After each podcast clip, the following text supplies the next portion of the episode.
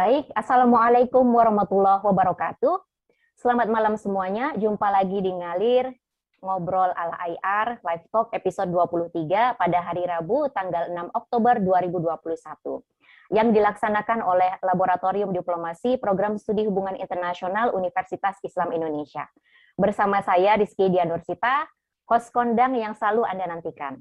Kalau kata direktur uh, ngalir kita, host kondang itu bahasa Jermannya, atau jajaran kauman lek dikongkon endang tandang ya alias gercep seperti itu. Baik eh, kawan-kawan semua sobat ngalir eh, di mana pun anda berada pada kali ini kita akan membahas satu eh, tema yang sangat luar biasa sangat spesial. Namun sebelum kita menyebutkan temanya apa, saya sedikit menginfokan kepada sobat ngalir semua bahwa nanti kita akan ada sesi tanya jawab dan bagi penanya terbaik ya untuk dua penanya terbaik akan ada uh, voucher dari Gramedia sebesar Rp100.000.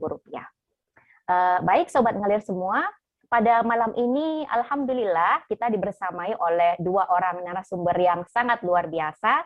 Ada Bapak Muhammad Syifa Amin Widikdo atau yang biasa kita sapa dengan Pak Syifa Assalamualaikum Pak Syifa. Waalaikumsalam Mbak Dian. Terima kasih atas undangannya. Ya, sama-sama Pak Syifa. Gimana kabarnya Pak Syifa? Sehat? Alhamdulillah, Alhamdulillah sehat. Sehat, sehat selalu. Oke.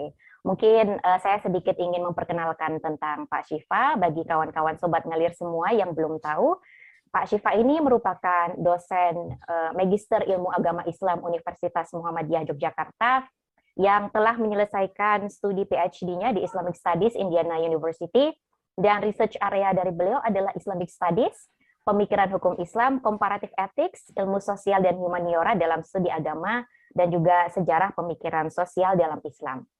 Dan publikasinya tentu saja sudah banyak ya. Salah satu di antaranya adalah um, Islamic Bioethics, Syariah Ethics, or Virtue Ethics dalam etika Islam dan problematika sosial di Indonesia yang diterbitkan di Swiss. Ya, sudah bisa menebak uh, temanya apa? Ya, ya sebenarnya sudah ada sih di poster ya, tapi mungkin kita simpan dulu ya. Kemudian pembicara kedua kita yaitu ada Bapak Willy Ashadi. Alhamdulillah. Assalamualaikum Pak Willy. Waalaikumsalam warahmatullahi wabarakatuh. Gimana kabarnya Pak Willy? Alhamdulillah sehat. Alhamdulillah sehat. Ya, sudah siap share dengan kita ya, berbagi ilmu? Insya Allah. Insya Allah siap. Ya, baik. Uh, mungkin kalau bagi uh, teman-teman yang sudah uh, menjadi sobat ngalir ya, biasa menyimak ngalir, Pak Willy ini adalah dosen uh, tetap untuk program studi hubungan internasional Universitas Islam Indonesia, pasti semuanya sudah kenal ya. Dan minat penelitian beliau um, berkaitan tentang studi Timur Tengah, gerakan Islam global, serta keamanan manusia dalam Islam. Selain mengajar, mengajar alhamdulillah eh, Pak Willy ini juga terlibat dalam kegiatan pemberdayaan masyarakat dan juga sejumlah aktivitas dakwah. Eh, baik, eh, para sobat ngalir semua, kali ini kita akan membahas satu tema yang sangat luar biasa dan juga cukup menjadi atensi ya, menarik atensi kita pada beberapa tahun belakangan ini, ya, yaitu tentang merespon isu Islamofobia di negara mayoritas Muslim. Ini kemudian menjadi hal yang sangat menarik ya, mengingat bahwa Islamofobia itu adalah sebuah konsep atau istilah yang mana kemudian banyak berkembang sebagai new form of racism yang muncul di Barat, khususnya pasca peristiwa 9/11 pada tahun 2001. Uh, eh, namun demikian, ini tidak hanya di, uh, terjadi di Barat dan juga eh, negara-negara uh, di Muslim uh, dengan Muslim minoritas ya, tapi juga terjadi di negara mayoritas Muslim. Dan ini sempat di capture dalam salah satu buku terbitan Routledge tahun 2019 yang ditulis oleh Ernest Barakle dan juga Hafiz Farid Hafiz yang berjudul Islamophobia in Muslim Majority Societies ya yang mencoba untuk uh, menangkap fenomena Islamofobia di beberapa negara dengan mayoritas Muslim. Oke, mungkin pemirsa semua, para sobat ngalir tidak sabar untuk mendengar pemaparan dari pemateri kita ya tentang uh, merespon Islam Islamofobia di negara mayoritas Muslim. Oke, mungkin saya ingin bertanya terlebih dahulu ke salah satu narasumber kita. Mungkin kita mulai dari Pak Syifa terlebih dahulu ya. Um, mungkin Pak Syifa bisa menyampaikan sebenarnya apa sih yang terjadi? Apa memang yang kita dapati di negara-negara mayoritas Muslim ini memang uh, satu bentuk dari Islamofobia dan kenapa hal ini bisa muncul. Oke, monggo Pak Syifa, dipersilahkan. Oke, baik. Uh, makasih Mbak Dian dan uh, selamat malam. Assalamualaikum semuanya yang hadir dan menyaksikan ngalir ini, mengalir live talk di Prodi Hubungan Internasional UII. Uh, pertanyaan yang menarik sekaligus uh, tidak mudah untuk dijawab soal kenapa ini bisa terjadi Islamofobia uh, terjadi di negara yang mayoritas atau di masyarakat yang mayoritasnya adalah Muslim. Padahal ini muncul dari konteks di mana Islamofobia itu tadi sebagaimana disebutkan uh, muncul di maya, maya, yang yang mayoritasnya non Muslim sehingga punya uh, sikap atau uh, posisi yang antipati atau uh, uh, peoratif gitu terhadap uh, terhadap Muslim. Kenapa terjadi di negara Muslim? Uh, memang perlu dilakukan studi yang lebih dalam. Tapi pengamatan saya sejauh ini adalah memang kalau di negara-negara Muslim itu uh, ada eh, semuanya Muslim yang yang dituduh melakukan Islamofobia adalah Muslim, yang menjadi korban target Islamofobia adalah Muslim. Uh, itu terjadi karena satu pengamatan saya adalah adanya kontestasi penafsiran terhadap who is who the best representatives of Islam. Siapa yang merepresentasikan diri paling baik atau paling islami di hadapan banyak orang sehingga uh, ketika uh, salah satu dianggap apa mencederai model citra pencitraan atau perwakilan Islam di muka publik itu dianggap sebagai yang tidak islami atau yang bertentangan dengan Islam dan segala macamnya.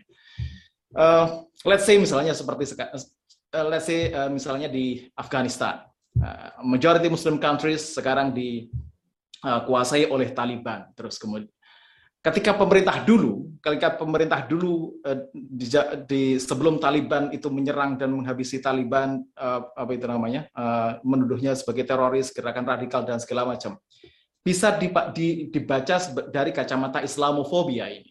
Ya. Oke, okay?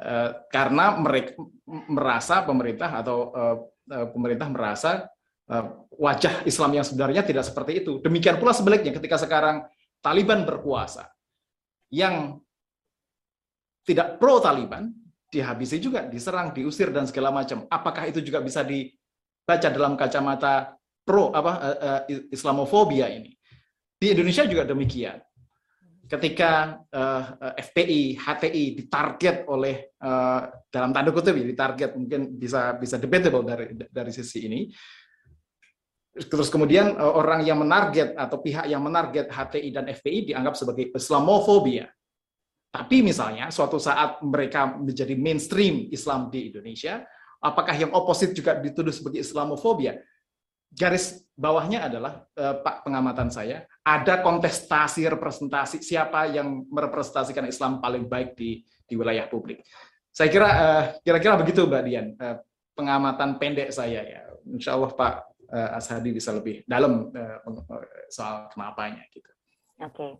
ya uh, terima kasih Pak Siva atas jawabannya. Oke, mungkin uh, Pak Willy bisa menambahkan pandangan Pak Willy tentang mengapa Islamofobia terjadi di negara uh, mayoritas Muslim dan juga bisa menyebutkan contohnya. Kemudian um, apa sih perilaku-perilaku yang biasanya ditunjukkan ya mungkin uh, Pak Willy bisa memberikan dengan contoh juga yang mana perilaku tersebut ya kemudian dapat kita golongkan sebagai um, satu tindakan uh, Islamofobia terhadap sesama Muslim. Monggo Pak Willy. Baik, uh, terima kasih Miss Dian sebelumnya. Assalamualaikum warahmatullahi wabarakatuh. Waalaikumsalam warahmatullahi wabarakatuh. Oke. Pak Syifa, salam kenal dari saya. Terima kasih tadi sempat kita diskusi di belakang layar. Tadi SHI itu bukan sarjana hubungan internasional ya Pak Syifa ya. itu kadang ya, gue yang menjawab.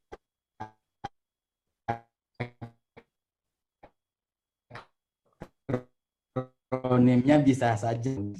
Kemudian saya melanjutkan studi di Gajah Mada University ngambil jurusan hubungan internasional. Okay. Baik, okay. uh, sahabat ngalir di mana pun anda berada, uh, terkait yang ditanyakan oleh Miss Dian,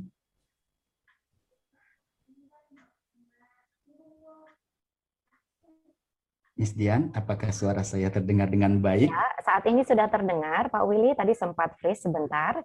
Mohon maaf ya, sobat ngalir. Kadang-kadang ini terjadi. Ya, ini ya silakan dilanjutkan, Pak Willy.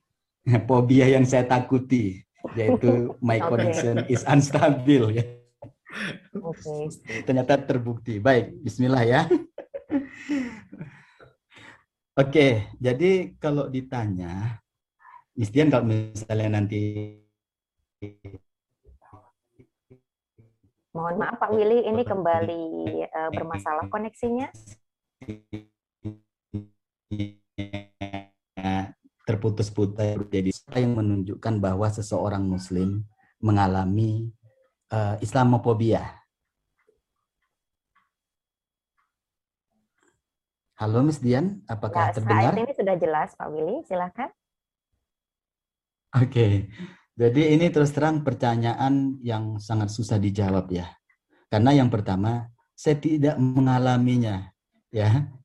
Namun kalau boleh memberikan hipotesa ataupun argumen sementara bahwa seseorang yang beragama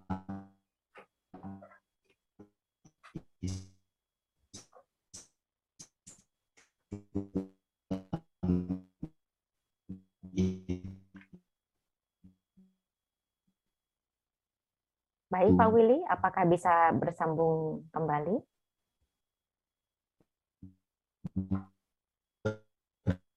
Potensi ya di mayoritas masyarakatnya beragama Islam. Adapun sikap yang akan dialami bagi seseorang Muslim yang fobia terhadap Islam, sama seperti halnya yang dialami oleh masyarakat global yang sudah terdoktrin dengan Islamofobia. Mereka pastinya akan merasa insecure tidak nyaman terhadap orang yang beragama Islam, khususnya yang sudah terframing oleh media atau tokoh politik yang mendiskreditkan Islam.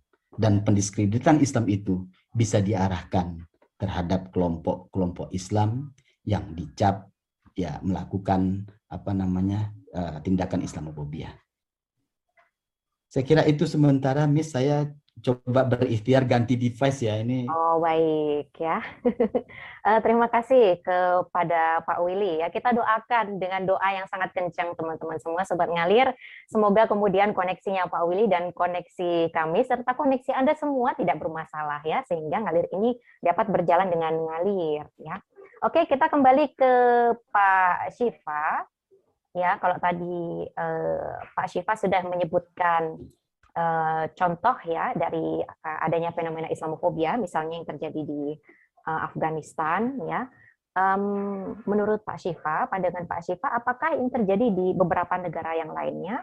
Ya, karena yang saya lihat, ya, yang saya baca-baca, mungkin salah satu buku yang tadi sempat saya intip sedikit, ya, Islamofobia ini uh, terjadi di beberapa negara. Ya, Islamofobia yang ada di negara mayoritas Muslim itu terjadi di beberapa negara, termasuk ada di Turki, Muslim, Malaysia, dan juga bahkan Indonesia. Kalau menurut uh, pandangan Pak Syifa, apakah negara-negara ini kemudian memiliki pattern atau mungkin situasi yang sama sehingga kemudian tadi uh, kebencian terhadap uh, golongan uh, Islam tertentu kemudian muncul, ya? Misalnya apakah situasi politik yang terjadi di Afghanistan, kemudian di negara-negara lain itu juga ada pola yang sama. Ya, kepada Pak Syifa, dipersilahkan. Oke, baik. Uh, makasih Mbak Dian. Uh, ya, tentu saja uh, apa di masing-masing negara punya uh, punya konteksnya sendiri-sendiri, punya sejarahnya sendiri-sendiri, punya kompleksitas masalahnya sendiri-sendiri gitu ya. Tapi uh, sebagaimana tadi kita diskusikan di awal, uh, gini, awalnya, awalnya kalau uh, hemat saya, uh, kalau di negara Muslim ini kan semuanya Muslim. Uh-huh. Hanya saja bagaimana memahami Islam, uh-huh. orang punya pemahaman yang mungkin berbeda, beragam lah, bukan bukan bukan bukan berbeda, beragam. Gitu.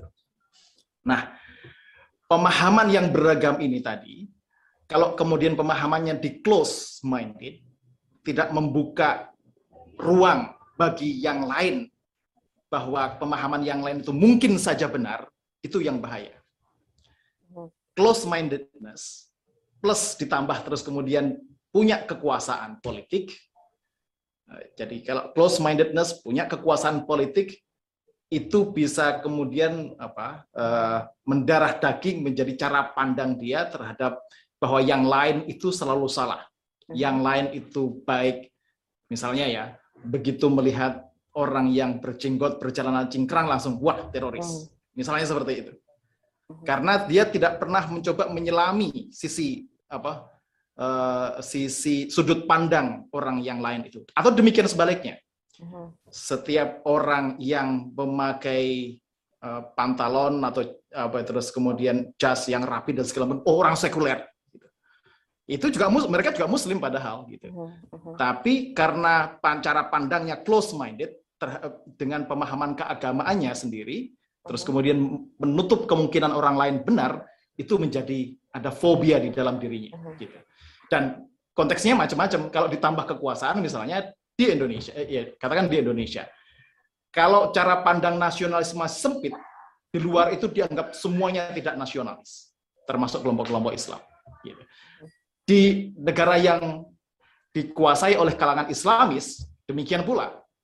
Di luar mereka, itu tidak dalam konteks eh, di Turki, meskipun uh, apa itu namanya banyak yang mengujinya sebagai pemerintahan yang merepresentasikan kelompok tapi kelompok yang Islam yang lain juga di, diburu kelompok Gulen movement misalnya hmm. karena kalau close mindedness ditambah dengan kekuasaan habislah begitu ya kalau di misalnya di di Tunisia Rashid Ghanousi dengan an-Nahdhahnya gitu dulu juga diuber-uber oleh pemerintah atau di Mesir dalam konteks uh, Arab Spring misalnya kalangan-kalangan uh, yang juga strict pemahamannya terhadap agama ya diuber baik kalangan Salafi, kalangan Ikhwan dan segala macamnya. Jadi uh, ya uh, apa itu namanya konteksnya macam-macam, uh, kompleksitas masalahnya juga macam-macam di masing-masing negara ini. Tapi uh, hemat saya ada semacam uh, apa uh, underlying reason gitu bahwa kalau pemahaman penguasa terutama yang punya kuasa itu close minded terus kemudian tidak menutup apa itu namanya eh, kemungkinan orang lain benar di luar pemahaman keagamaannya itu yang berbahaya apalagi ditambah dengan senjata itu tambah bahaya lagi itu kira-kira Mbak uh, Dian. Oke, mungkin sebelum kita ke Pak Willy, saya ingin sedikit bertanya lagi kepada Pak Syifa. Pak Syifa ini kan uh, pernah tinggal di luar negeri kan juga cukup lama ya Pak ya. Uh, apakah Pak Syifa yeah. bisa kemudian bisa membandingkan uh, mungkin ya kalau melihat uh, fenomena Islamofobia ketika di luar negeri kemudian dengan apa yang terjadi di uh, negara kita atau mungkin uh, beberapa negara mayoritas Muslim yang tadi sudah disebutkan ya ini apa perbedaannya? Apakah kemudian um, pemikiran yang katanya lebih open minded itu juga kemudian lebih terbuka terhadap uh, apa uh, Islam atau mungkin um, karakter tertentu gitu ya atau ciri tertentu dari keislaman seseorang. Oke, okay, Pak Syifa mungkin hmm. bisa menambahkan. Oke, okay, baik. Terima kasih pertanyaan yang uh, membawa saya pada kenangan selama 9 tahun pernah. saya kebetulan studi di Amerika itu tahun 2007 sampai 2016. Jangan ditiru lamanya ya.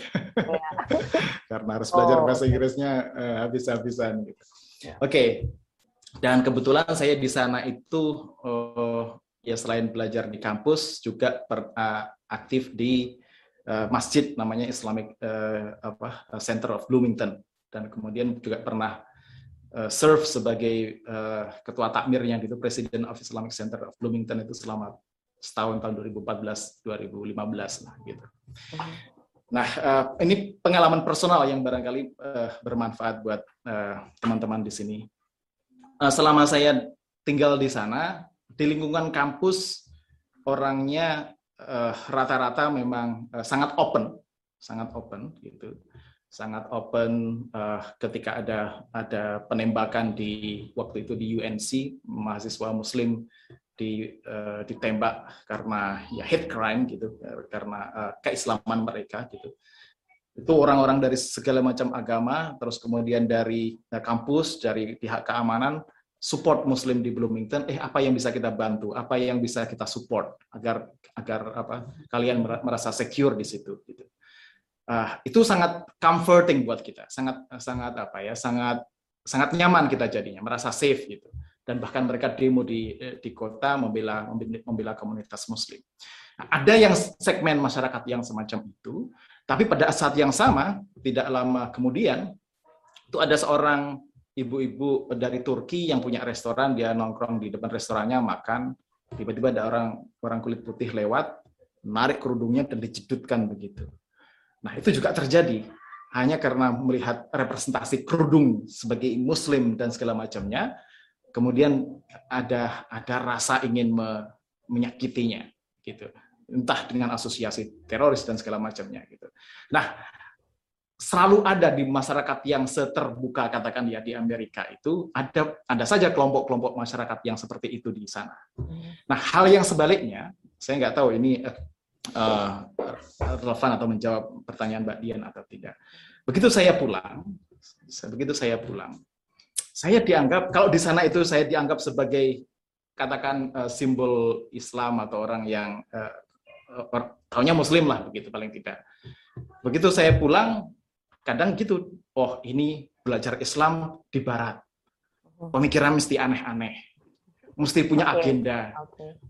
Nah, saya kan juga muslim gitu. Uh-huh. Saya juga ingin merepresentasikan Islam yang saya pahami dengan cara tepat. Tapi ketika saya justru di sini di itu tadi dipandang sebagai heh, ini nggak nggak Islam banget loh gitu kira-kira ini mesti membawa misi begitu nah that's not fair gitu ini curhatannya ya tapi paling tidak menggambarkan bahwa kadang itu kalau kita punya pemahaman yang berbeda terus kemudian kita close minded kita nggak mau berdialog gitu ya kadang ignorance itu kalau kemudian apa ketidaktahuan kita dibumbui dengan dengan dengan rasa punya kuasa itu yang membuat apa pun yang tidak kita ketahui terlihat menakutkan, padahal tidak menakutkan kalau kita ngobrol.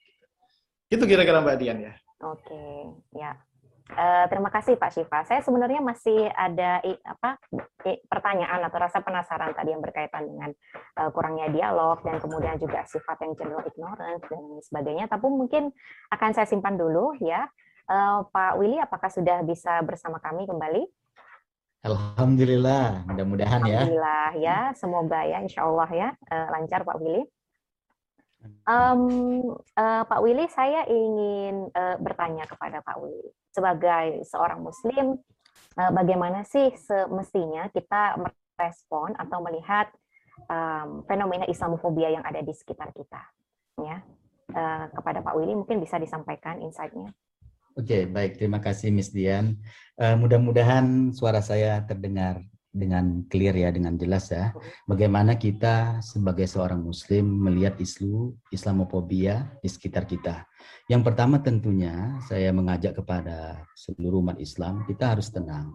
Kita jangan panik. Ya, serambi kita mengusahakan mencari solusi yang terbaik. Nah, karena kalau misalnya sikap ketenangan ini kita tidak maintain, maka ini akan berdampak merugikan kepada umat Islam. Nah, ini yang pertama. Kita harus tenang, jangan panik.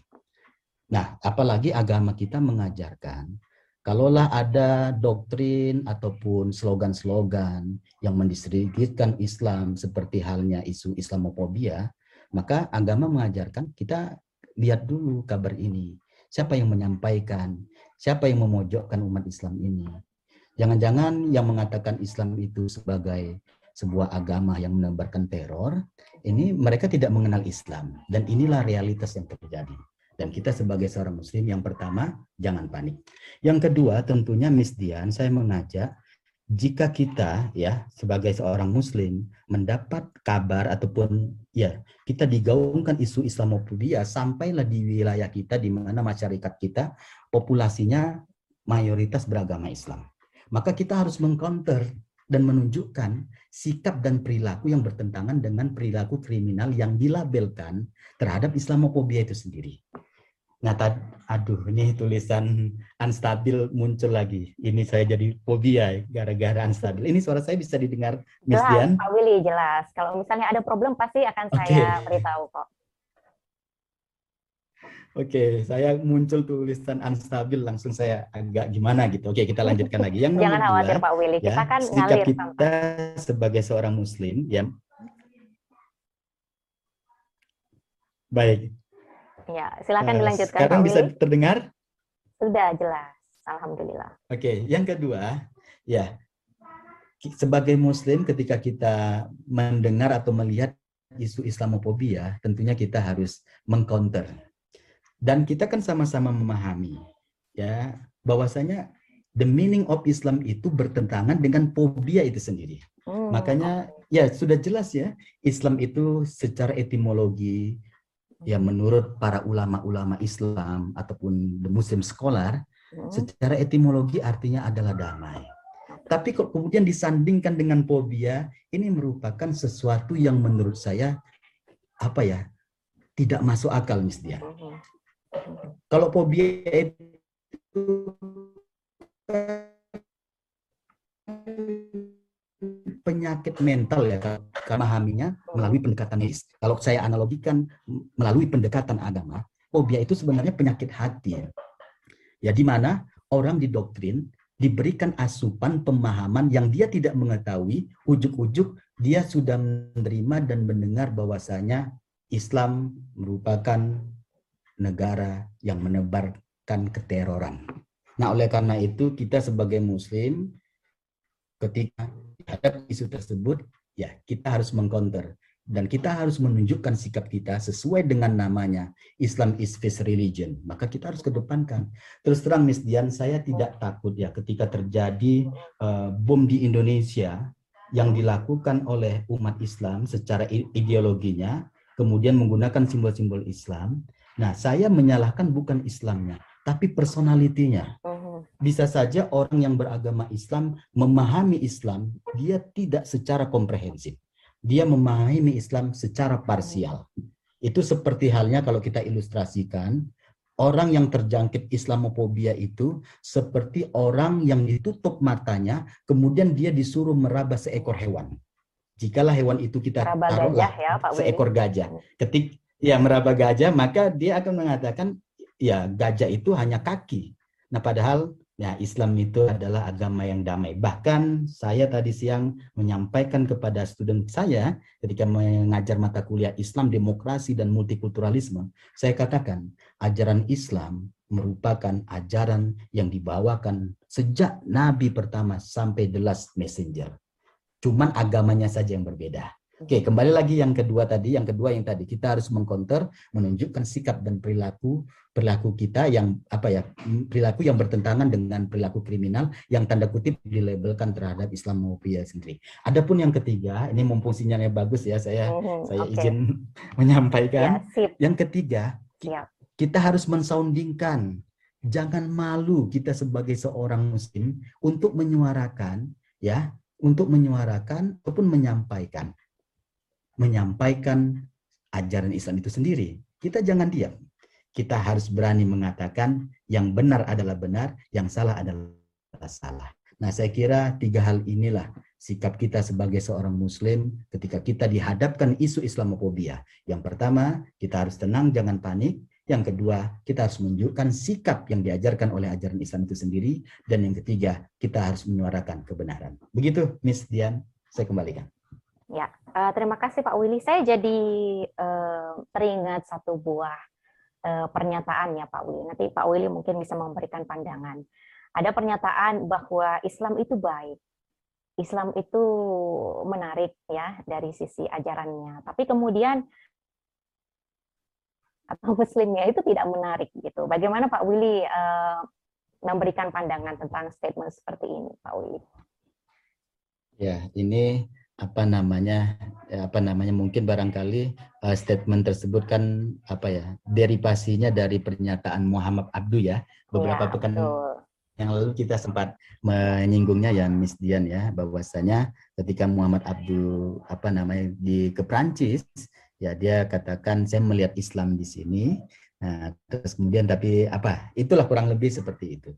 Jadi memang Muhammad Abdul pernah mengatakan al-Islam wal muslimu syai'un akhor. Mungkin Ustadz Sifa yang lebih paham ya nanti bisa menjelaskan ya Ustadz Sifa. Nah, jadi memang ya saya setuju dengan pernyataan yang disampaikan oleh Muhammad Abdul. Teman-teman ngalir di mana pun Anda berada, kita harus menggarisbawahi bahwa Islam is a religion or samawi religion dia merupakan ajaran ataupun agama yang memang dikrit oleh Allah Subhanahu wa taala. Dan ajaran yang diturunkan oleh Allah ini kepentingannya adalah untuk kemaslahatan umat manusia. Nah, perkara apakah ajaran ini bisa diimplementasikan bagi setiap individu, especially for Muslim people, nah itu belum tentu. Makanya ketika seorang yang beragama Islam melakukan tindakan teror ya terhadap orang lain maka jangan kita memojokkan dia beragama Islam. Kalau analita jadi dia belum memahami Islam secara komprehensif. Nah, itu bahwasanya Islam dan Muslim dua yang berbeda meskipun memiliki asal kata yang asal kata yang sama. Saya kira itu Miss Dian Oke, terima kasih uh, Pak Willy atas uh, pandangannya.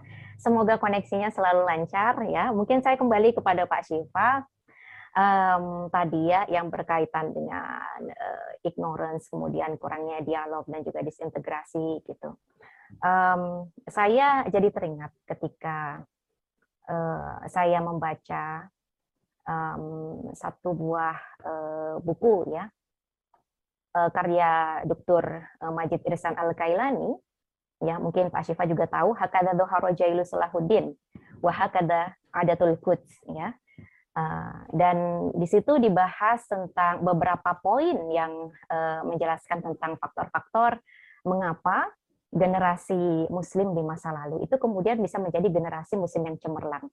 Ada enam faktor yang dibahas di situ dan salah satunya adalah Eh, perhatian yang besar tentang upaya untuk memperbaiki kehidupan sosial dengan menghilangkan permusuhan antar kelompok dan menghilangkan pemikiran yang menyimpang.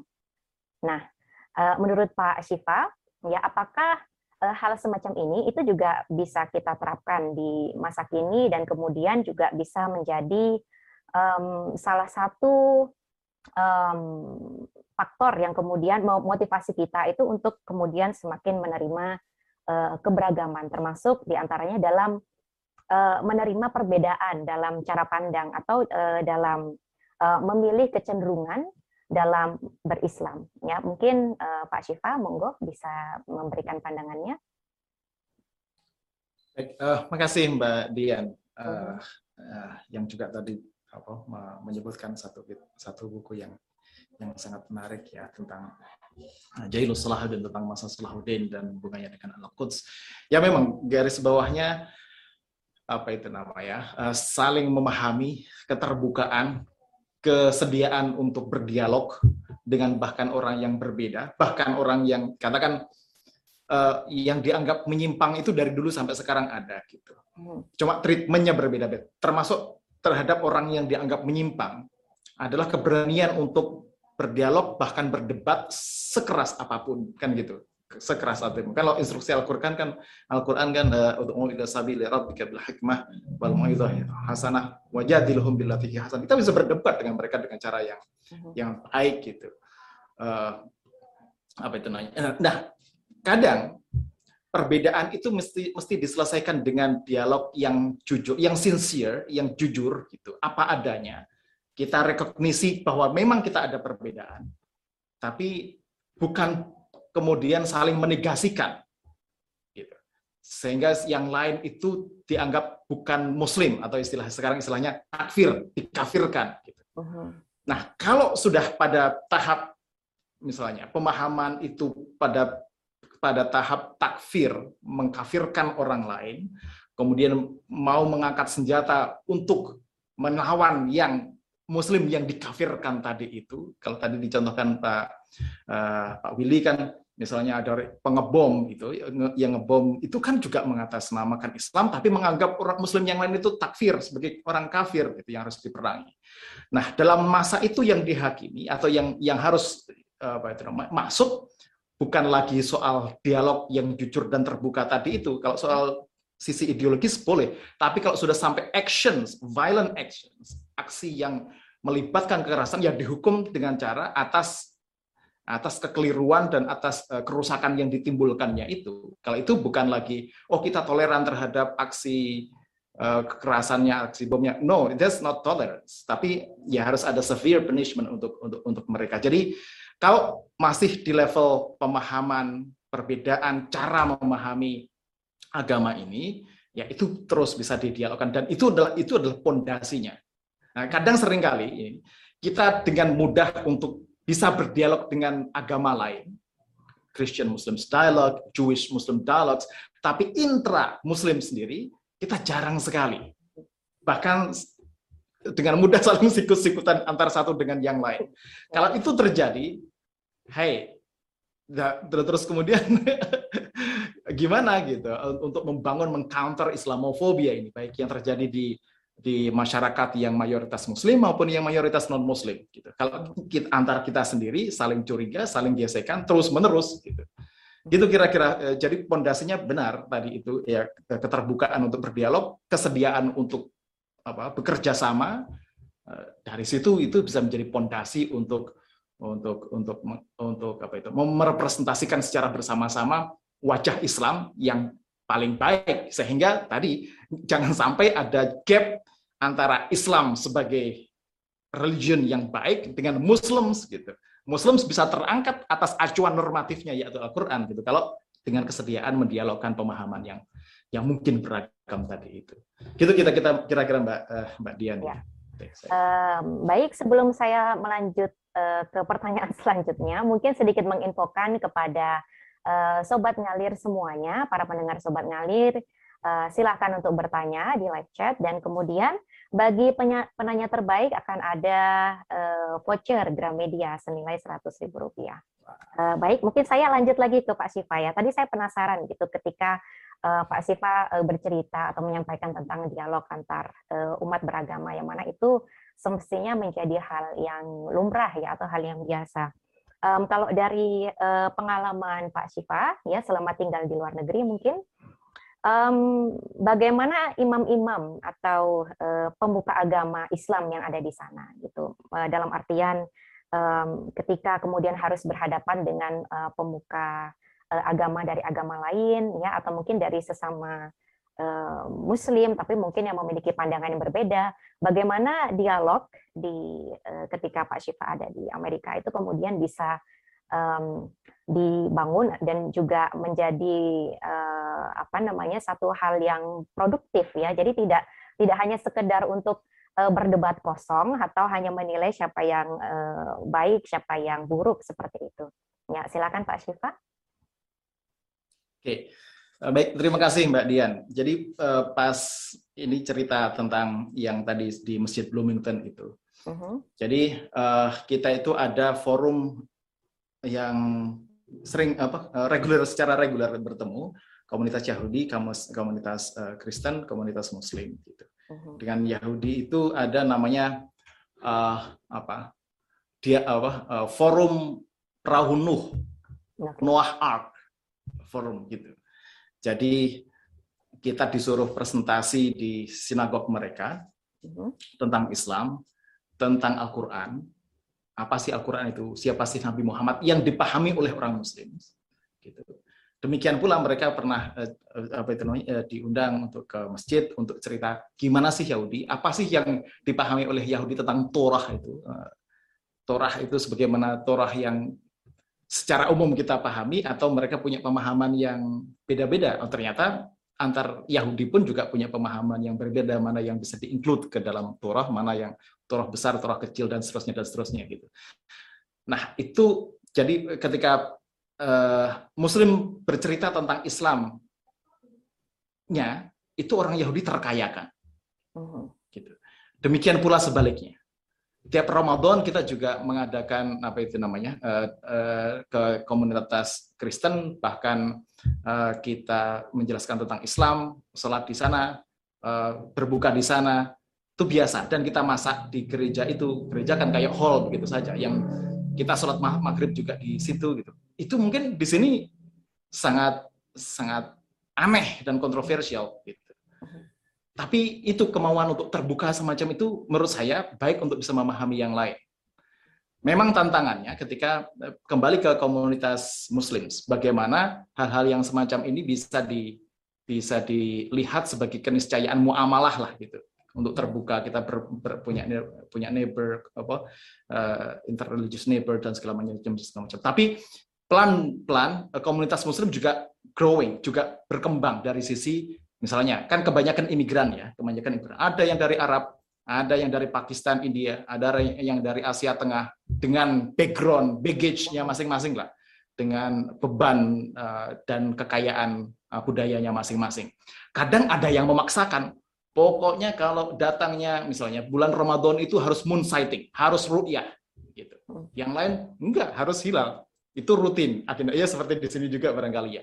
Tapi lama-lama meskipun awalnya saling saling apa itu namanya? saling bersikukuh begitu, lama kelamaan ya oke, okay, musyawarah terus kemudian ini untuk kebaikan bersama, keputusan ini yang kita ambil secara bersama-sama. Artinya meskipun dalam tanda kutip close mindedness dan fanatisme yang awalnya dibawa dari kampung halamannya masing-masing itu bisa apa sedikit demi sedikit makin dewasa, makin bisa membuka kemungkinan yang lain pun juga mungkin saja benar penafsirannya terhadap agama. Artinya in, interfaith-nya jalan, intrafaith-nya juga mau juga terus di apa di dipupuk dan di dan dikembangkan dan itu menjadi pondasi yang kuat sehingga kita sebagai sebagai komunitas muslim sebagai satu entitas begitu punya satu kesatuan suara gitu ketika berdialog dengan yang lain-lain gitu. Oke. Itu kira-kira Mbak Dian ya. Ya, oke, okay. jawaban yang luar biasa ya, dan juga uh, kisah yang sangat inspiratif dari Pak Sipa. Uh, baik, kita kembali dulu ke Pak Willy. Semoga koneksinya lancar ya, Pak Willy. Ya, Alhamdulillah. oke, okay, sebelum kita uh, setelah ini membacakan pertanyaan dari pemirsa, uh, mungkin Pak Willy bisa memberikan uh, pandangan ya, uh, pandangan secara pribadi mungkin. Uh, yang kita lihat um, dalam menyebar luaskan uh, sentimen terhadap kelompok Islam tertentu atau mungkin yang kemudian kita sebut, sebut sebagai Islamofobia di antara masyarakat Muslim, um, ada satu uh, platform ya yang saya kira ini sangat uh, apa memiliki peran yang sangat penting gitu yaitu adalah media ya menurut Pak Willy bagaimana semestinya kita menyikapi apa yang uh, tersebar di media? Entah itu mungkin framing tertentu ya atau mungkin uh, stigma tertentu terhadap satu kelompok muslim ya. Sebaiknya seperti apa kita menyikapi? Dan kemudian ke depannya ya di masa mendatang sebaiknya apa yang harus kita lakukan? Baik untuk jangka pendek maupun jangka panjang. Silakan kepada Pak Willy. Baik, uh, terima kasih Miss Tian saya hanya bisa berdoa semoga konek lancar ya. Diamini ya. Oke. Uh, bagaimana sikap kita sebagai muslim terkait tentang apa namanya pemberitaan di media baik itu media cetak ataupun media elektronik. Jadi yang pertama, kalau saya mengacu nas dari Al-Qur'an, kalau kita mendapat sebuah kabar, maka kita harus klarifikasi dulu kita harus cari apa ya apakah berita tersebut bisa dipertanggungjawabkan atau tidak. Kita cari berita tersebut apakah benar atau tidak. Sekarang jargon media itu rata-rata terpercaya. Ini mudah-mudahan saya nggak ini ya nggak menyinggung salah satu media ya. Insya Allah nggak Pak Willy. Aman ya. Aman ya. Ya semua ya semua pasti jargonnya yang positif positif kami yang paling dipercaya paling ini Nah, tapi ya tadi, nah kalau saya sih sebenarnya mengacunya ya berdasarkan Al-Quran dan Al-Hadis ataupun As-Sunnah. Jadi kalau misalnya mendengarkan sebuah kabar, maka saya akan tracing terlebih dahulu Miss, Miss Dian. Siapa yang menyampaikan kabar tersebut? Apakah yang menyampaikan ini bisa dipertanggungjawabkan? Kemudian apakah kabar itu benar apa adanya ataupun benar kebenarannya. Nah, tapi ya tadi realitas yang terjadi ya kita nggak susah karena ya siapa mau kita percayai. Ya media-media pun saya pun susah karena kita nggak punya akses untuk menuju ke sana. Kita hanya bisa melihat tampak dari luarnya saja. Dan tidak sedikit yang saya perhatikan, media-media itu memang yaitu banyak yang yang tidak sedikit yang yang berafiliasi eh, dalam sebuah gerakan politik.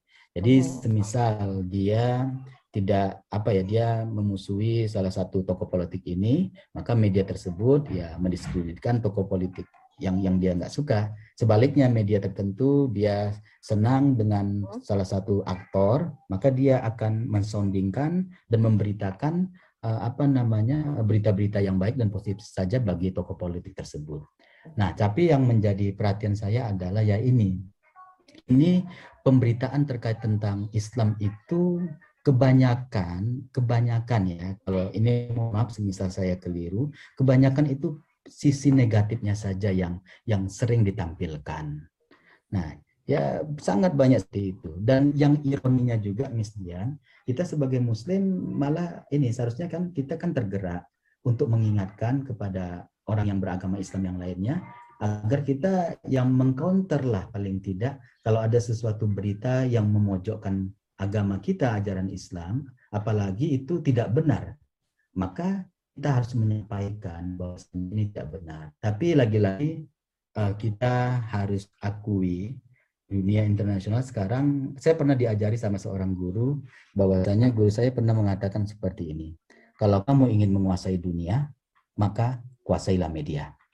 Ya mudah-mudahan suatu saat ada umat Islam yang bisa menguasai media dan dia memberitakan pemberitaan itu ya apa adanya sesuai dengan fakta dan realitanya. Begitu Mistian uh, yang bisa saya komentari. Baik, terima kasih Pak Willy. Uh, mungkin kita um, menuju ke sesi tanya jawab dari para penyimaknya, dari para sobat ngalir yang ada di luar sana. Ini uh, alhamdulillah sudah ada dua uh, pertanyaan ya, mungkin uh, kepada baik Pak Syifa maupun Pak Willy ya. Eh, kami ingin mendengar jawaban uh, dari beliau berdua. Um, Oke, okay, pertanyaannya adalah um, dari Anita Rahmawati, apakah golongan seperti Syiah, Ahmadiyah yang berkembang di Indonesia merupakan bentuk dari Islamofobia? Ya, uh, mungkin maksudnya adalah apakah uh, respon atau mungkin reaksi yang diberikan oleh masyarakat terhadap golongan seperti Syiah, Ahmadiyah itu merupakan bentuk dari Islamofobia dikarenakan mereka membawa-bawa nama Islam tanpa menerapkan ajaran yang sesuai dengan syariat. Ya, mungkin dari Pak Syifa terlebih dahulu. Ya, bagaimana menurut Pak Syifa pertanyaan ini? Oke, okay, uh, makasih Mbak Anita Rahmawati ya atas pertanyaannya. Apakah golongan Syiah Ahmadiyah itu direspon dengan kacamata Islamofobia itu baik oleh masyarakat atau mungkin juga oleh negara gitu ya. Ini pertanyaan yang sangat penting pada saat yang sama sangat sensitif. Kalau keselio lidah bisa viral dan dihujat banyak orang. Santai saja Pak, insya Allah aman ya. Selama ini iya. aman ya. Tapi nggak apa-apa, nggak apa-apa. Bagus dan harus ditanyakan gitu. Okay. Karena tadi itu, ini ini adalah pertanyaan yang secara persis eh, apa menuju soal eh sejauh mana pemahaman itu yang ditolerir untuk dialog dan mana yang tidak ditolerir untuk dialog dan harus diberangus, diberangus dari sisi dari sisi kacamata criminal law dari hukum hukum hukum positif ya gitu maksud saya. Nah, katakan uh, misalnya soal soal Syiah, soal Ahmadiyah atau sekte-sekte Islam yang dianggap oleh mayoritasnya menyimpang, itu bagaimana treatment terhadap mereka gitu.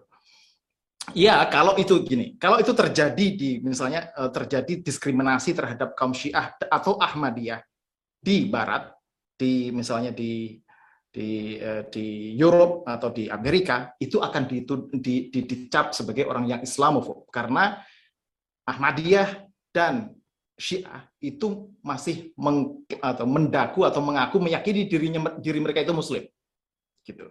Mhm. Dan uh, apa aksi kebencian terhadap mereka dianggap dalam kacamata Islamofobia ini. Nah, sekarang dibawa konteks apa kelompok yang sama ke Indonesia misalnya gitu. Dari sini cara uh, pandangan mainstream, pandangan umum Muslim Sunni di Indonesia menganggap kelompok seperti Syiah dan Ahmadiyah itu di luar Islam, terlepas dari pengakuan mereka, gitu ya.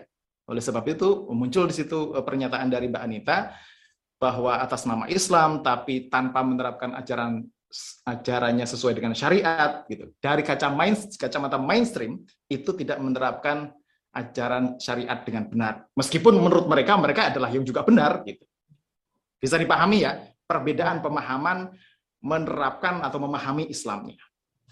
Kalau dari sisi eh, kacamata saya, mereka adalah orang yang masih bisa diajak untuk bicara, untuk berdialog, bukan untuk dipersekusi, bukan untuk di, diberangus.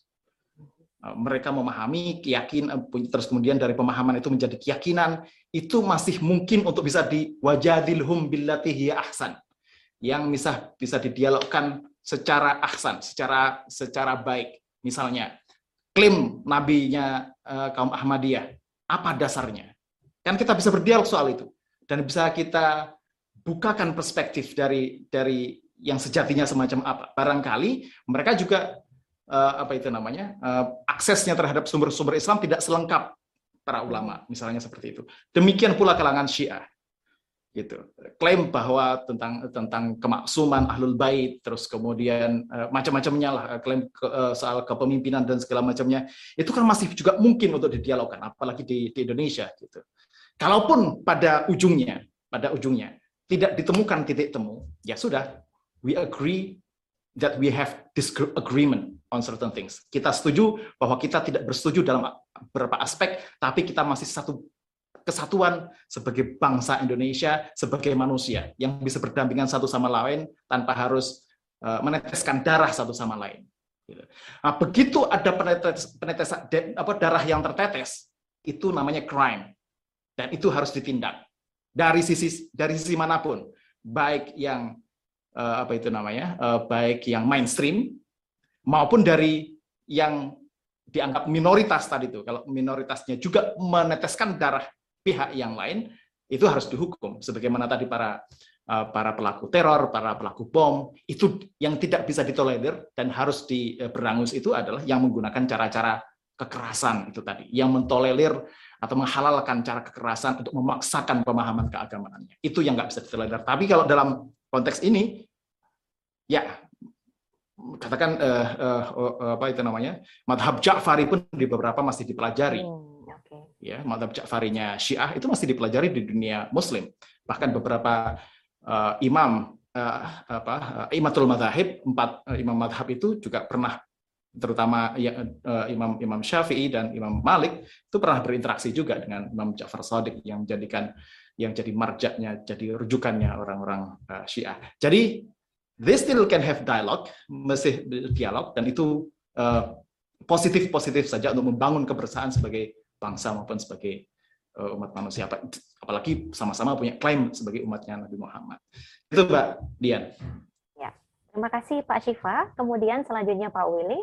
Ya bagaimana tanggapan Pak Willy uh, terkait pertanyaan tadi yaitu uh, sikap masyarakat dalam merespon kelompok Syiah dan juga Ahmadiyah apakah itu juga bentuk Islamofobia dan uh, sebaiknya bagaimana kita bersikap Baik, terima kasih Ms. Dian. Ya, saya setuju apa yang disampaikan Pak Syifa. Jadi memang kalau misalnya kita menemukan kasus seperti yang ditanyakan oleh Mbak Anita Rahma, mungkin yang kita kedepankan adalah membuka keran dialog.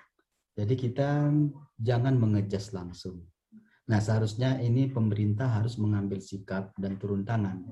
Ya, sehingga biar tidak liar di masyarakat, maka didudukkan aliran-aliran ini dan kemudian diajak dialog dan kalau bisa dialog itu secara terbuka dan transparan, nggak usah disembunyi-sembunyikan. Hmm. Karena kalau disembunyikan nanti sifatnya menjadi politis. Hmm. Kemudian mungkin perlu yang kita garis bawahi juga bahwa dalam pemahaman saya terkait tentang hal-hal yang buruk itu sebenarnya nggak menjadi persoalan. Semisal dalam sholat subuh di antara umat Islam ada yang menggunakan kunut, ada yang tidak menggunakan kunut. Kemudian dalam sholat tarawih ada yang 23, ada yang 11. Maka hal-hal yang begini kita nggak usah kita apa ya perdebatkan sampai-sampai kita mengejas salah satu di, di antara mereka adalah yang salah dan kita yang paling benar. Nah ini menurut saya uh, uh, bukan begitu respon ataupun sikap ketika kita dihadapkan sebuah persoalan, apalagi persoalan itu persoalan yang buruk. Kecuali aliran-aliran tersebut merubah hal-hal yang memang berkaitan dengan akidah. Nah, kalau memang seperti ini, nah maka ini kita harus ya mem, ya mendiskusikan juga ya, tentunya mendiskusikan juga. Ya, tentunya ya ini memang debatable juga ya Miss Dian ya. Saya susah juga ya karena ya tadi interpretasi soal terhadap pemahaman keagamaan itu pasti bervarian, bermacam-macam. Nah, jadi dan kalau saya sih lebih lebih setujunya mengedepankan dialog, kemudian yang memfasilitasinya adalah aparat yang berwenang dalam hal ini pemerintah sehingga ini tidak menjadi bola liar sehingga uh, masyarakat tidak apa ya mengambil langkah agent writing ataupun menghakimi sendiri. Nah, saya kira itu. Dan menurut saya apakah ini membuat ya mungkin kalau misalnya dikatakan membuat ketakutan bagi sebagian umat Islam ya ya saya kira uh, bagi mereka yang takut yang mungkin barangkali tipsnya adalah dia harus lebih mendalami dan memahami terkait tentang ajaran Islam itu sendiri. Saya kira begitu, Miss Dian. Oke, ya. Um, mungkin sedikit menambahkan ya Pak Willy ya kan kadang ketakutan itu kan terjadi ketika uh, ajaran tersebut itu kemudian disebarkan atau didakwahkan. Nah semestinya bagaimana kita uh, menyikapi ya agar kemudian um, sikap kita itu bisa menjadi uh, sikap yang uh, baik ya dalam artian um, akidah tetap terjaga tapi juga di sisi lain kita juga um, apa namanya memberikan uh, ruang untuk uh, berdialog ya dan juga tidak membatasi hak-hak uh, mereka. Bagaimana menurut Pak Willy? Ya, saya kira Miss Dian ini apa namanya yang wajib turun tangan adalah pemerintah dia harus membuat regulasi ataupun peraturan. Nah, mm-hmm. apakah aliran keagamaan ini apakah memang meresahkan masyarakat? Nanti kaitannya dengan makosid sih sebenarnya. Kalaulah misalnya aliran ini lebih besar mudaratnya, maka pemerintah harus mengambil sikap dan kebijakan. Apakah aliran ini uh, apa tuh namanya harus dihapuskan atau ataupun dilarang? Tapi kalau misalnya saya di posisi pemerintah, lagi-lagi saya mengedepankan dialog, kemudian saya mengundang para ahli, para expert, kemudian kita diskusi seperti tadi ayat yang disebutkan oleh Pak Syifa ya. Jadi kita ya bil hikmati. Uh-huh. Jadi kita mendiskusikan secara secara terbuka dan tentunya berdasarkan argumentasi-argumentasi yang bisa dipertanggungjawabkan. Nah, jadi menurut saya apa namanya pemerintah harus turun tangan mestian agar apa namanya aliran-aliran yang barangkali yang tanda kutip bisa memberikan apa ya memunculkan apa ya kebencian ataupun ketakutan terhadap seorang Islam dengan Islam yang lainnya maka pemerintah menurut saya turun tangan dalam hal ini. Oke, baik. Terima kasih Pak Willy.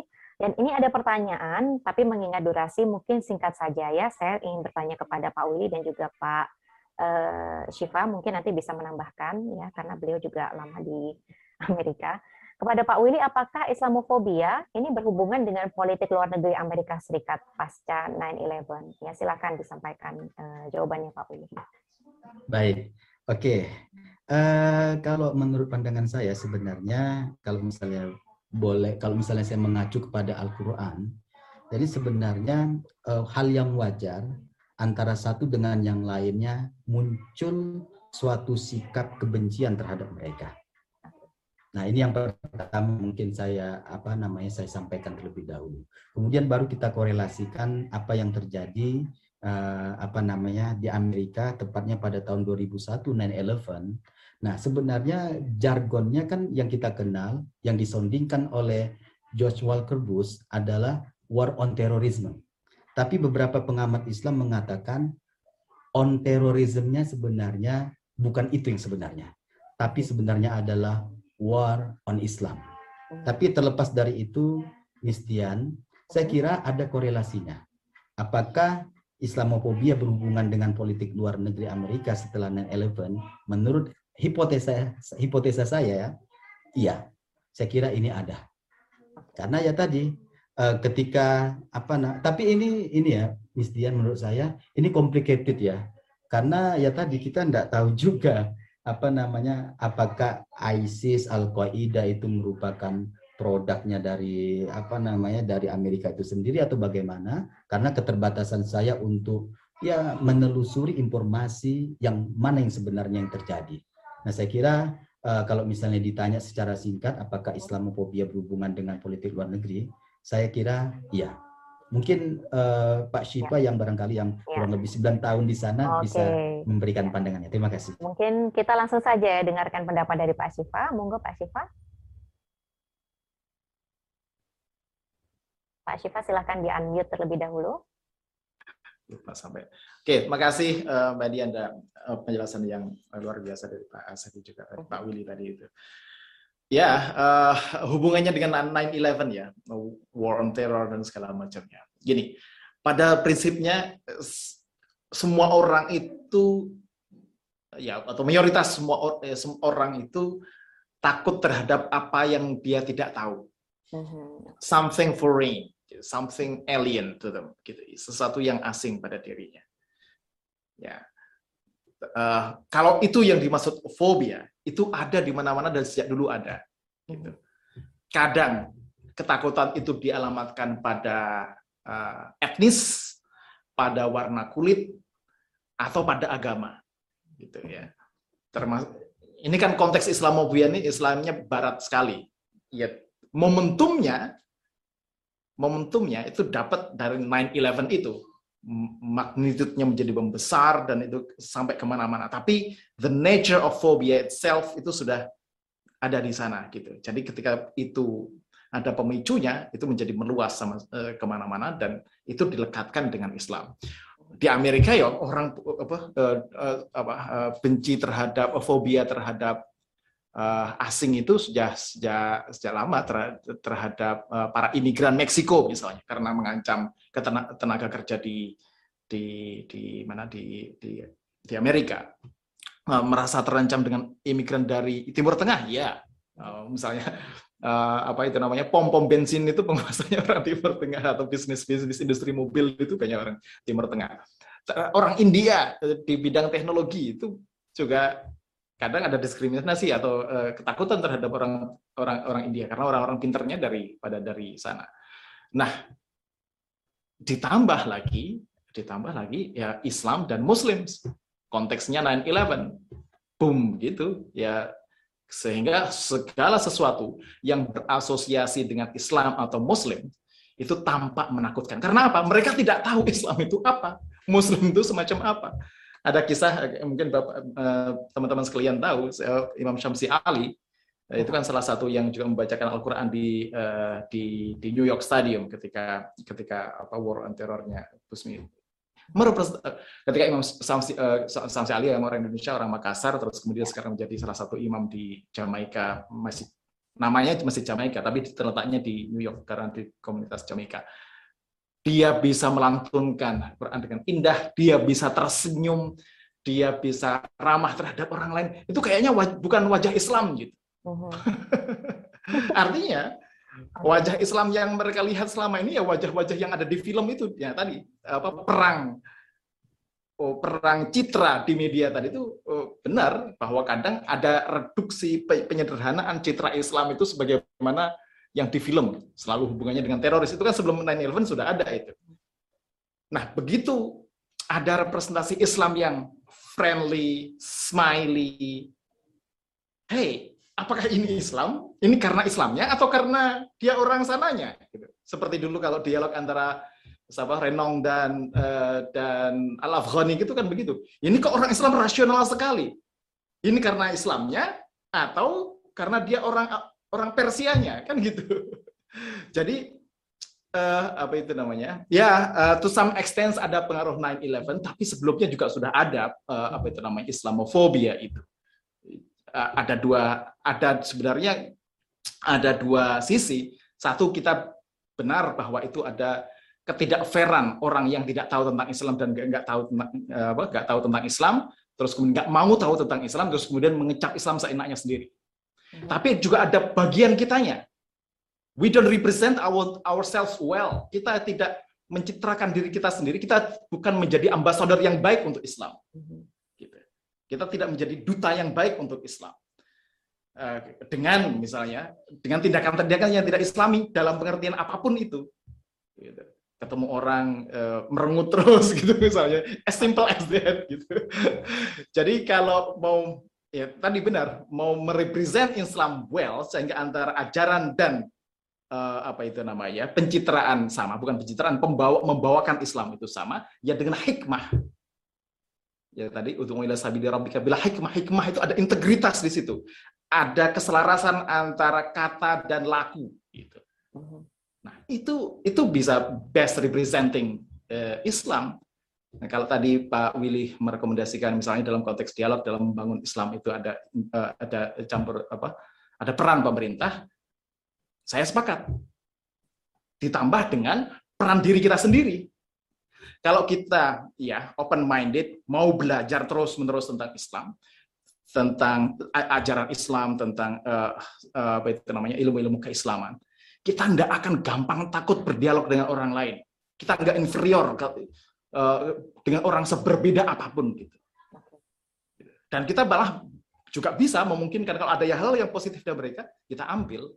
Misalnya tradisi rasional, tradisi filsafat dari kalangan Syiah itu bagus sekali. Ya kita ambil bagian di mana mereka punya eagerness-nya terhadap intelektualisme, kita ambil Ahmadiyah punya teknologi, punya kekayaan, punya media yang juga besar di mana-mana, hey, itu juga bisa kita contoh. Kita harusnya juga bisa seperti itu. Gitu. Kira-kira gitu Mbak Dian ya. Maaf kalau terlalu panjang. Uh, terima kasih ya kepada uh, kedua para pembicara. Tapi sebelum kita uh, ke sesi selanjutnya, saya ingin mendengar baik dari Pak Syifa dan juga Pak Willy satu kalimat singkat untuk closing statement ya. Mungkin dari uh, Pak Willy dulu silakan. Singkat saja Pak Willy. Baik, terima kasih Miss Dian. Bagi saya Islamofobia merupakan kerugian bagi umat Islam seluruh dunia. Oleh karenanya, kita harus meluruskan dengan cara menampilkan perbuatan yang matching dengan ucapan kita sesuai dengan ajaran Islam. Kalau ini bisa kita lakukan, saya yakin lambat laun Islamofobia bagi negara-negara di Eropa dan termasuk juga masyarakat Islam yang mayoritas beragama Islam di negara masyarakat Islam niscaya pasti tidak akan apa ya tidak akan khawatir lagi terhadap Islam itu sendiri. Begitu Miss Dian baik. Saya kira itu pesan yang sangat bijak dan patut kita ingat ya Pak Willy. Kemudian uh, Pak Syifa silahkan satu kalimat untuk closing statement. Bagian paling susah ini. Kayak bikin iya. abstrak disertasi itu susah. Okay. Harus disingkat ya di eh, Iya, ya paling tidak gini, apa? Uh, terus perkuat diri dengan belajar tentang Islam dan jangan takut menghadapi perbedaan karena itu pondasi untuk persatuan. Itu aja Mbak. Ya, eh, terima kasih ya, sangat singkat, eh, padat dan juga jelas. Eh, baik, saya ucapkan terima kasih kepada Pak Syifa, Pak Willy sudah berkenan untuk menjadi narasumber di dalam sesi ngalir live talk kita pada malam hari ini. Dan sebelum saya akhiri, saya ingin menyampaikan sedikit pengumuman uh, kepada saudari Anita Rahmawati dan juga saudari MK ya. MK ini siapa ya namanya? Nanti mohon untuk menuliskan di live chat ya. Silahkan mengirimkan data diri, nama uh, alamat lengkap, kemudian nomor HP dan mohon untuk dikirimkan ke email uh, lab diplomasi yaitu lab.diplomasi@ui.ac.id ya selambat-lambatnya pada hari Kamis tanggal 7 Oktober 2021 sebelum pukul 13.00 untuk uh, pengiriman voucher. Uh, baik, uh, sobat ngalir semua, alhamdulillah kali ini kita sudah sampai di penghujung sesi dari ngalir uh, live talk ya bersama dua narasumber kita yang sangat luar biasa. Um, dan saya juga mewakili dari Ngalir Laptop dan juga Lab uh, Diplomasi Program Studi Hubungan Internasional Universitas Islam Indonesia mengucapkan terima kasih yang sebesar-besarnya juga uh, kepada para pembicara dan juga para sobat ngalir di mana pun Anda berada. Dan sebelum saya akhiri, izinkan saya untuk menyampaikan satu buah pantun. Ada itik, ada bebek. Bertemu Cakep. di muara. Oke, saya ulangi ya. Ada itik, ada bebek. Cakep. Cakep. Bertemu di muara, berjumpa di kuali. Ayo klik like dan subscribe Sampai jumpa di ngalir lain kali. Terima kasih. Wassalamualaikum warahmatullahi wabarakatuh. Waalaikumsalam warahmatullahi wabarakatuh. Terima kasih semuanya. Terima kasih Pak Budi. Terima kasih Mbak Dia. Terima kasih.